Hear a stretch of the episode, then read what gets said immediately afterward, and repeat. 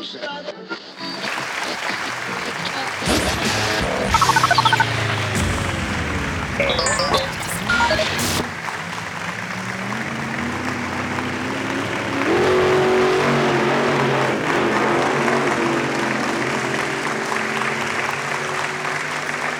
vi se, vi måste bara ställa in volymen lite här, Jerker. Eh, hur ser din ut? Jo, vi ska se här. Jag ska ställa in inspelningsnivån så jag ligger... Ja, vi ska ju prata om inspelningsnivåer idag. Jag tror att jag ligger bra just nu. Okej, okay, jag brukar försöka göra ett högt ljud, eh, alltså ett normalt men högt ljud för att se att den inte slår i taket. Det finns ju oftast en liten indikator. Då tar jag i en gång här lite grann och pratar på med lite kraft och uh, det ser bra ut. Men vad skönt, det här är ju en soundcheck som är värd att göra eh, när, man, när man ska börja spela in. Förresten, välkomna till poddverkstan eh, avsnitt två eh, som ska handla om inspelning med eh, Jerker Pettersson och mig, Stefan Jage. Och förra avsnittet, då pratade vi ju faktiskt om förarbetet innan vi kommer till det här med inspelning. Vad var det vi tog upp, Stefan? Vi tog upp vikten av eh, programformat och vilka olika programformat som finns. Vi tog upp frekvens, hur ofta man ska ge ut en podcast och vi pratade målgrupper. Och det är viktiga frågor alltihopa. Och redaktionell kalender. Och de olika formaten som man kan ha. Och det är saker som man kan eh, tänka på, eh, eller som är viktigt att tänka på för att göra det enkelt som möjligt vid eh, både när man eh, för sin målgrupp som lyssnare och även när man spelar in. Och det är just inspelningen vi kommer till idag i det här avsnittet. Jajamän, och det var lite soundcheck i början där, för det där är, det var en fråga som du skickade med förra gången. Hur gör man för att ställa in inspelningsnivåer? Det är ju alltid det här med nivåerna nivåerna, nivåerna. Blir det för eh, låg nivå, för hög nivå, jag slår i taket och att hålla det jämnt. Och det tycker jag kan vara lite knepigt. Nu har man ju hjälp när eh, jag spelar in direkt på datorn här och ser hur kurvan ligger. Hur gör du? Alltså jag är, är ju då eh, ortodox i det här. Jag brukar ju använda digital inspelare för jag tycker att de, det ljudkorten, de ljudkorten som är i digitala inspelare är snäppet vassare än det ljudkort som sitter i datorn. Men det är jag och jag är väldigt petig med ljud. Jag brukar försöka göra som jag gjorde nyss, att jag eh, gör en soundcheck och tittar på hur högt, eh, hur högt de handlar, eh, den som blir intervjuad hamnar. Och sen försöker jag i mesta möjliga mån också se till att den som blir intervjuad eller som jag samtalar med har medhörning. Det där med medhörningen, det älskar jag. För att då har du ju direkt kontroll på att du ligger någorlunda rätt i alla fall. Och det brukar jag så gott som alltid använda mig av. Det som är bäst är slutna lurar, det vill säga lurar som inte läcker ut något ljud. Motsatsen till de här lurarna som vissa människor har på sig i tunnelbanan, som är öppna. Just att den som blir intervjuad också hör sin egen röst gör att det blir lättare för den personen att modulera, att anpassa sin röst eh, efter det röstläge som, som man har i samtalet. Ja, jag brukar eh, använda faktiskt de här små vita som man har till telefonen, du vet, som man stoppar in i örat, bara för att de är så lätta att ha med sig. Och ofta kan det vara så här att den man pratar med kanske känner sig lite mer bekväm om man inte har stora feta lurar över öronen. Eh, jag har märkt det i några fall. Så man får liksom känna in vad som funkar i varje tillfälle tycker jag. Vi har ljudmiljön också som är väldigt viktig när man spelar in. Oavsett om man spelar in på eh, utomhus, på plats eller i en studio. Som gammal radiot då, om jag tycker att jag känner mig, så har jag fått lära mig att du ska alltid ta med lyssnaren till, till platsen. Alltså var är vi någonstans? Och, och, det har ju, i alla fall i radions tid, så gäller det. Jag känner ju igen när jag lyssnar på P1 så vet jag att de säger att vi är i Ekostudion eller från Studio 4 Radiohuset eller jag är utanför Rosenbad eller något sånt. Fast hur är det egentligen i poddsammanhang? Brukar vi snacka om platsen? Det beror på om det är mycket miljöljud som, som påverkar inspelningen. Som, som, vi sitter ju på varsitt håll just nu. Jag sitter i Ekensberg och du sitter i Tyresö. Och då är det svårt för oss att säga att vi är på plats. Men, men vad vi skulle kunna göra det är ju att vi kan lägga på lite miljöljud här i bakgrunden. Och då spelar både du och jag in i relativt döda, alltså akustiskt döda eh, miljöer. Och vad som händer när vi lägger på miljöljudet nu det är ju att vi får ett intryck av att ja, vi är någon helt annanstans. Vilket också förmedlar en känsla till lyssnaren. Och då kan ju faktiskt en podd bli ganska virtuell, för vi kan placera oss precis var som helst virtuellt sett. Fast fysiskt så är det som du säger, du är Ekensberg, jag är i Tyresö. Och vi, ska vi berätta lite grann hur vi faktiskt gör just nu?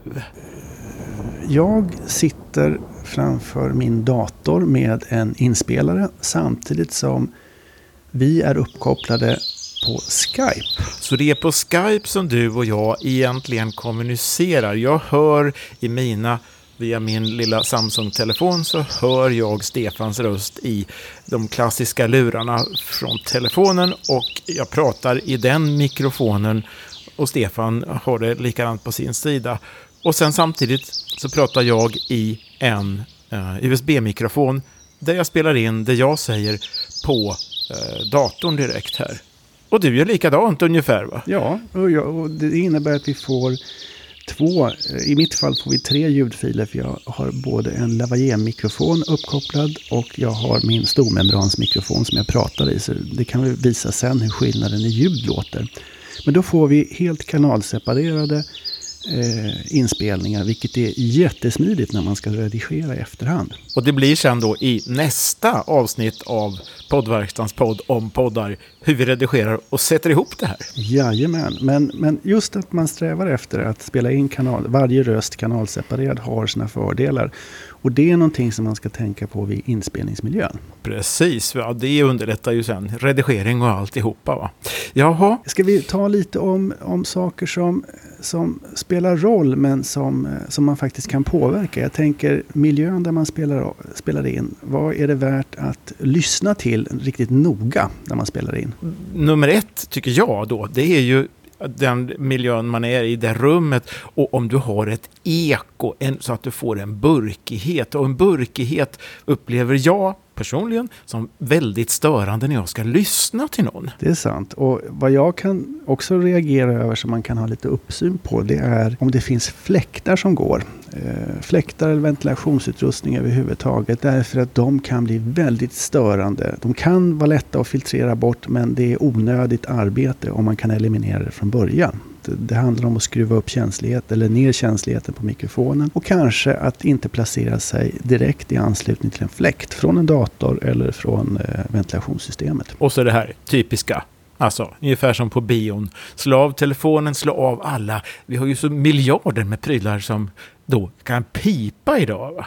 Och det gäller ju liksom att ah, ta bort det där nu så vi får det rent. Va? Ja, och klockor och sånt kan man lägga undan med sitt evinnerliga tickande och tockande. Jag tänker på att vi har inte så mycket klockor ändå, så det, det, det, det går åt rätt håll där. Det går åt rätt håll. Nej, men jag har varit med om att eh, när de har haft sådana här fasta centralstyrda klockor, att man har fått försöka täcka över dem med någon filt eller någonting och tejpa lite på väggen för att få bort ljudet. Det kan leda till lustiga effekter när man redigerar sen, när man får väldigt ojämnt tickande. En annan praktisk sak det är ju om man sitter vid ett bord, att man ser till att lägga en ganska tjock filt, en flispläd eller någonting annat på bordet innan man sätter stativen på dem och framförallt innan man sätter vattenglas och liknande på dem. Och få en, en, en miljö som är mjuk och vänlig. Och, ja, det är ju helt enkelt för att eliminera eko. Och jag har ju varit med om att spika saker när jag varit tvungen att sätta mig under en filt för att få det här intima ljudet. Och jag har, i vissa lägen så är det så här att du får helt enkelt sänka nivån, eller ingångsnivån på micken och sen får du krypa in på micken så här och liksom bli väldigt, väldigt intim. Jag brukar kalla det för att hångla upp micken. Okej, okay, och det är det som Kjell Arlinge var bra på när han pratade så väldigt nära mikrofonen för att man skulle uppleva att rösten kom alldeles viskande vid örat. Ja, visst. han var ju även duktig, han och hans ljudtekniker, på att skapa de här eh, ljudkulisserna, de här ljudmiljöerna som var otroligt effektfulla tillsammans med hans röst och hans uppläsningar. Du, men det här liksom lite grann basic uh, innehållsmässigt, det här med 15 sekunder och så vidare i början där. Ska vi liksom kapa av det så vi får det gjort? Eller? Ja. Du, du vet ju hur viktigt det är att fånga publiken. Hur många sekunder har man på sig eh, för att fånga en ny lyssnare? Jag brukar säga att det finns en ja, 15-20 sekunder så här som du måste komma rätt i början. Annars hoppar då lyssnaren gärna iväg vidare. Det är samma eh, sätt egentligen som en webbsida. en webbsida får upp den så måste du ju fångas direkt. Va? Du orkar liksom inte vara kvar så länge. Då bara hopps, åker vi vidare. Det är, så, det, det är kritiskt där. Va? Så det är en elevator pitch som man måste ha i förberedelse för varje avsnitt. Elevator pitch var ett snyggt uttryck. Fånga lyssnaren så tidigt som möjligt, kroka gärna bakåt och berätta vad avsnittet kommer att handla om. Vad ska man mer tänka på när man inför eh, avsnittet? Intervjuteknik? Intervjuteknik. Jag brukar man kan ta lite hjälp av den gamla klassiska retoriken utan att nu krångla till det i onödan. Men helt enkelt, där finns det eh, i retoriken så börjar man alltid med ett avsnitt där man ska säga locka lyssnaren och få lyssnaren välvilligt inställd till det som komma skall. Och sen är det då liksom själva berättelsen, sakframställan eller liknande. Och man avslutar alltid med en uppmanande avslutning, någonting som liksom blir en catch på slutet som sätter som en kläm som man ramar in det hela. Det där är, det där är ju ett väldigt bra upplägg eh, och det gäller ju även om man ska hålla tal. Så det är samma, samma struktur som man ska använda. Och det är från talet det kommer och det är därför det går att återanvända. Vi befinner oss ju just nu i själva liksom, sakframställan och berättelsen. Och vi ska komma till en uppmanande avslutning så småningom, men det tar ett tag. Det tar ett tag. Men intervjuteknik, det är en viktig, en viktig eh, del utav det. Och det bygger på att man först har gjort research så man vet eh, man vet vem personen är och vad man ska prata om. Och sen är det ju då tid och rum. Vi befinner oss nu Eh, och klockan är, eller vi är på kvällen eller någonting sånt. Sen det här med frågorna. Det är, jag brukar alltid tjata om det här med öppna frågor. Att man ska ha öppna alternativ. Det vill säga att man ska bjuda in den som intervjuas till att berätta mer om någonting. Inte bara svara ja eller nej. Ja, berättande frågor. Vad, var, när, varför. Som inte går att svara ja eller nej på. Mm. Eller det kan man ju för sig. Om man ber någon utveckla en, frå en frågeställning så kan de svara nej. Det har jag varit med om. Ja, ja, det är ju väldigt... Det gjorde jag nyss, va? eller hur? Jajamän, det är en sån här dörrstoppare eller vad man ska kalla det. Eller en sån här, vad kallas de här kedjorna som man har på dörren? Det, liksom, det öppnas inte. Säkerhetskedjor ja. heter de. Sen är ju alltså, svaren är ju alltså viktigare än frågorna. Va? Och då eh, får man ju tänka på det att så som intervjuare är det ju inte jag som är huvudpersonen utan det är personen jag pratar med eller intervjuar som är fokus på. Mm. Och då gäller det ju att man kan fånga upp frågeställningar som personen berättar. Så att det inte blir så att man bara har ett program som man ska mata igenom eller ett manus som man ska ställa frågor utifrån. Nej, får ju alltså lyssna på svaren och möjligtvis kan du kommentera dem i det ställa en, du kan ställa en påstående fråga. Jaha, så du menar att och så vidare. Mm. Och sen så är det viktigt att säga att det här är ju inget förhör. Det finns ju, uh, finns ju andra forum för att, att genomföra förhör med människor. Men, men vanligtvis är det ju inte ett förhör man ska genomföra. Nej, den gamla skjutjärnsjournalistiken eller vad det nu hette för 30-40 år sedan. Ja, den tror jag inte så mycket på idag va? Jag tror att det blir svårt i en podcast i alla fall när man måste ha uh, gästen med sig. Ja, det verkar inte vara någon höjdare. Nej. Mm. Det stryker vi. Mm. Ja.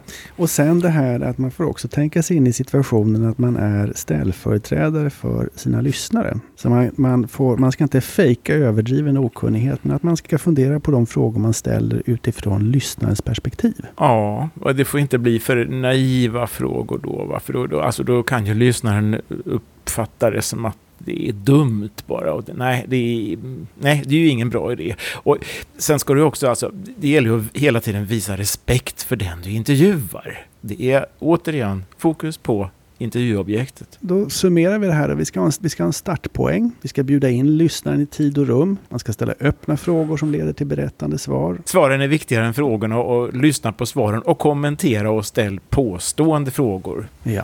Och sen avsluta med en slutpoäng. Alltid slutpoäng. Perforation som det så vackert heter i retoriken. Ah, underbart. Perforation fick vi lära oss lite latinskt uttryck också. Vi kan, vi kan ju rulla vidare.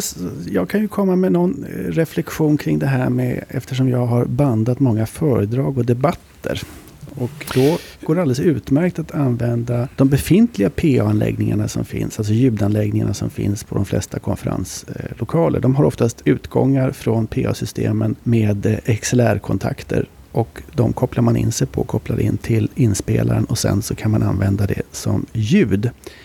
Men där har vi ju problemet att eh, på många av de här PA-anläggningarna så har de installerats en gång i tiden men sen är det ingen som är kvar och minns allt som de lärde sig när de installerade PA-systemet. Vilket gör att, att de är väldigt rädda för att man ska pilla på fel knapp. Och det kan leda till att man också får eh, ojämna inspelningsnivåer beroende på om folk använder handmikrofoner eller om de använder headset. Och det får man tänka lite på för oftast får man bara ut en eh, monofil där alla är med. Jaha, så det gäller alltså, det här har jag inte någon erfarenhet men, ja, men du har, det gäller alltså att noga checka det här i, i förtid då, innan man börjar inspelning, hur, hur statusen är så att säga? Absolut, och sen är det också viktigt att påpeka för, för de som deltar och för den som är moderator på debatten att de eh, har upplyst deltagarna om att det ska bli en podcastinspelning. Så att de får inte förlita sig för mycket på de här evinnerligt långa PowerPoint-bilderna som de ibland presenterar. Utan att de ska tänka på att tala och förklara så att det eh, blir förståeligt även för någon som är synskadad eller lyssnar på radio. Ja, det kan ju möjligt vara en utmaning kan jag tänka mig för många som så att säga, vill och är vana vid att stå och prata till en PowerPoint. Eh, du, jag tänkte på, du som har nu gjort så lång eh, tid här och övning och erfarenhet av poddinspelningar. Vad är, går det att säga så här, vad är det vanligaste misstaget som görs? Ja, alltså rent eh, inspelningstekniskt så tror jag att det vanligaste felet man gör det är att man har alldeles för dålig ljudinspelning från början. Man kanske sätter sig två personer framför en enkel mick eh, och spelar in på en kanal och det blir dåligt ljud. Och dåligt ljud är ju samma sak med film och med podcast. Att hör man för dåligt så tröttnar man. Det är svårt att kompensera eh, dåligt ljud. Däremot dålig bild kan man ha överseende med för det kan man uppleva som artistiskt eller någonting annat. Men just det här att man inte vinnlägger sig om att se till att det blir bra ljud. Det är väldigt vanligt, tyvärr. Och då börjar ju allt ljud börjar ju från oss människor börjar ju med en mikrofon, eller hur? Det är väl det är där starten. Eh, så hur väljer man mikrofon? Ja, man, får ju välja, man ska ju välja en mikrofon som, som, som fungerar och som är lätt att ta med. Tycker jag om man är ute och, och, och, spelar in. Själv så har jag en uppsättning olika mikrofoner. Just nu pratar jag i min eh, stormembransmikrofon.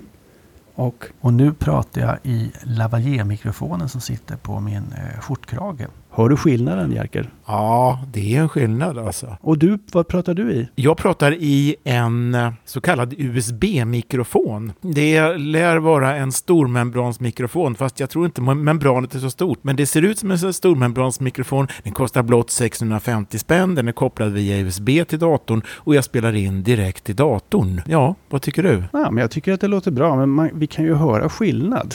Det är, ju, det är ju faktiskt en tydlig skillnad. Även om vi kommer att efterbehandla det här för att minska skillnaden så blir det en skillnad i inspelningskvalitet. Eh, jag säger inte att något är bättre eller sämre, men att det blir en skillnad. Ja, det är olika karaktäristik på mikrofoner helt enkelt. Och ändå är det ju det här det börjar, så det gäller ju att få det så bra som möjligt från början. För då minskar vi ju jobbet sen, eller hur? Absolut, och, och, jag kan ju säga att mikrofoner det är ju en djungel där ute som går alltid från handgjorda tyska mikrofoner till tyskmärkta Kina-tillverkade mikrofoner till, ja, man kan hålla på i evigheter, vilket folk också gör på olika forum. Det där är ett nördämne alltså, jag har förstått. Sen har vi mikrofoner som vi ska ha med oss ute om vi ska göra reportage ut på plats. Och då är det ju andra karaktäristik som är viktiga, som till exempel... Ja, att det, att det går att bära med sig dem, att, det inte, att, det, att man har en tillför en sån här fassi, en, en, en päls på om man ska stå på en plats där det blåser mycket. Vad hette det, sa du? Fassi? Ja, fassi. Jag brukar kalla dem för fassi. Det är såna här uh, syntetpälsöverdrag som man har på mikrofonerna som dämpar och tar bort eh, vindljud. Jaha, fuzzy. Som gör ljudet lite fuzzy helt enkelt? Ja, tvärtom. Som gör ljudet mindre fuzzy. Därför att eh, vinden bryts på sätt som inte eh, påverkar inspelningen så mycket. Annars kan man ju lätt få överstyrning när man står i vinden och det låter så här. Ja, det är fuzzy. F-U-Z-Z-Y. Jajamän. Men vad man också kan tänka på när man intervjuar det är ju att man eh, ska ha att, precis som en kamera, att man ska ha ljudinspelaren lätt tillgänglig. Och eh, jag använder ju, jag använder ju min smartphone som är kopplad till en eh, Röde Smart Love Plus som man kan använda. Eh, alltså en liten mygga som man kan sätta på eller använda som intervjumikrofon när man står bredvid en person. Och sen har jag en Nagra som är väldigt bra. Som är lite större, den är större, stor ungefär som en gammal freestyle. Nagra känns som en riktig klassiker i de här sammanhangen va? Nagra är en riktig klassiker. De gör faktiskt riktigt bra digitala inspelare. Jag brukar ju använda en, som jag förälskat mig i, en mikrofon som heter Zoom H1. Och den är också under 1000 kronor på Teknikmagasinet. Som är väldigt lätt att ha med sig, tar liten plats, har underbara karaktäristika tycker jag. Och eh, som fungerar väldigt, väldigt praktiskt och enkelt när man är så att säga ut i fält. Det är ju väldigt viktigt och att, att eh, den inte äter batterier. För det, eh, min Nagra äter inte batterier men jag har några andra digitala inspelare för flerkanal som älskar batterier. Alltså de drar i sig hur mycket som helst, hur snabbt som helst. Sen har vi ju det här, alltså vilket format ska man spela in i? Och där finns det olika skolor. Jag säger så här då, mm, att ja men vi kör i MP3-format direkt. Det är ingen snack om saken. Och jag kör då i WAV-format när jag spelar in så att det är okomprimerat tills jag komprimerar. Och det här har då lite olika karaktäristik också. En skillnad i alla fall som jag ser det är att en mp3-fil blir ungefär en tiondel, eller ja, kanske en tjugondel. Nej, vad säger jag?